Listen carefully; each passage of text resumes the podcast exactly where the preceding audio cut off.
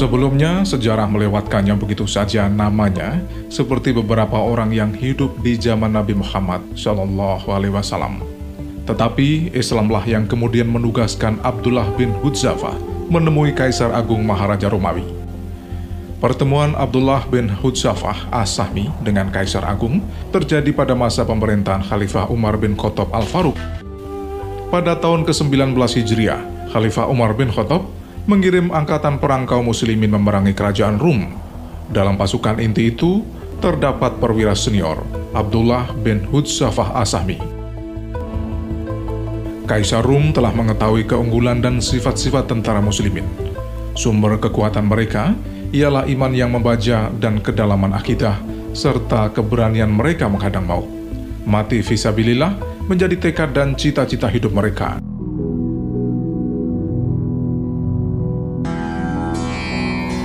Kaisar memerintahkan kepada perwiranya, "Jika kalian berhasil menawan tentara muslimin, jangan kalian bunuh mereka, tapi bawa ke hadapanku."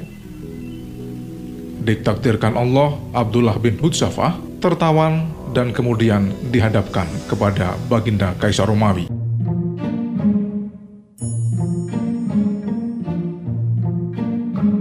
Salah seorang anak buahnya mengatakan, tawanan ini adalah sahabat Muhammad. Dia termasuk sahabat senior dari kelompok yang pertama-tama masuk Islam. Dia tertawan, lalu kami bawa ke hadapan paduka. Sangat lama Kaisar memperhatikan Abdullah bin Hudzafah. Sesudah itu, baru dia berkata, Saya hendak menawarkan kepada engkau. Apa yang hendak anda tawarkan? Begitu tanya Abdullah. Maukah engkau masuk agama Nasrani? Jika engkau mau, saya bebaskan engkau. Kemudian saya beri pula hadiah besar. Begitu kata sang kaisar. Abdullah bernafas dalam-dalam, lalu menjawab, Ya, aku lebih suka mati seribu kali daripada menerima tawaran Anda. Begitu jawab Abdullah dengan mantap. Kemudian sang kaisar berkata lagi, Saya lihat engkau seorang perwira yang pintar. Jika engkau mau menerima tawaranku, saya angkat engkau menjadi pembesar kerajaan, dan saya bagi kekuasaanku dengan engkau. Abdullah yang di borgol itu tersenyum, kemudian berkata, Demi Allah, seandainya Anda berikan kepadaku semua kerajaan Anda, ditambah dengan semua kerajaan Arab, agar aku keluar dari agama Muhammad agak sebentar saja, niscaya aku tidak dapat menerimanya. Sang Kaisar Masgul, kemudian ia mengatakan, kalau begitu, saya bunuh engkau.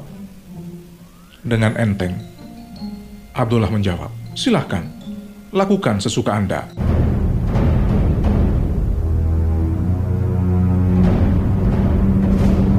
Lalu Abdullah disuruhnya diikat di kayu salib. Kemudian diperintahkannya tukang panah memanah lengan Abdullah yang sebelah kiri.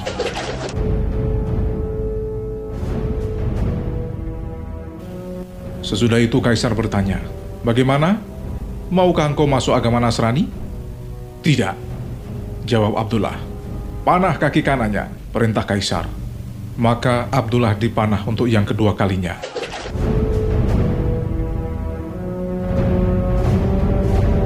Nah, sekarang maukah engkau pindah agama? Tanya Kaisar membujuk. Ternyata Abdullah tetap menolak. Sesudah itu Kaisar menyuruh hentikan siksaan dengan panah. Lalu Abdullah diturunkan dari tiang salib. Kemudian Kaisar meminta sebuah kuali besar lalu dituangkan minyak ke dalamnya dan diletakkan orang di atas tungku berapi.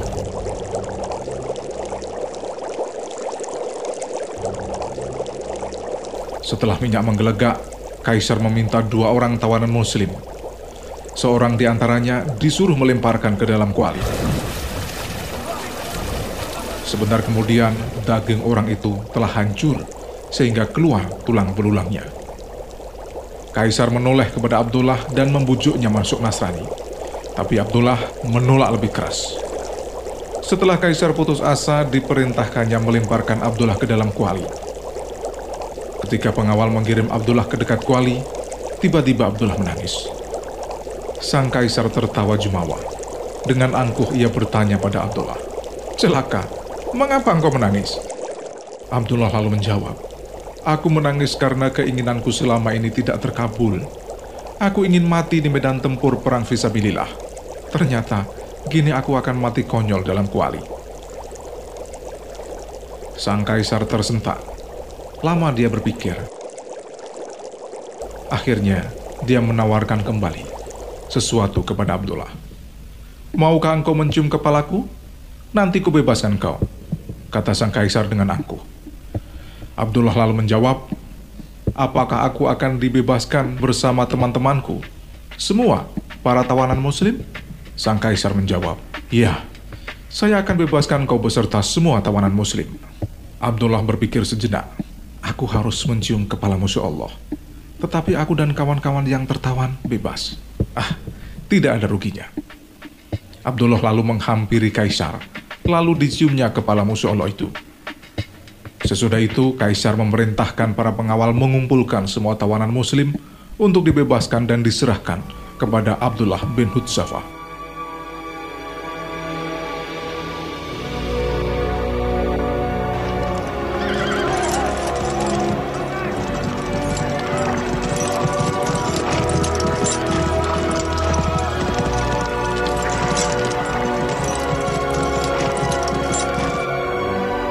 Setibanya di hadapan Khalifah Umar bin Khattab, dilaporkannya kepada beliau semua yang dialami Abdullah bin Hudzafah serta pembebasannya berikut sejumlah tentara muslimin yang tertawan.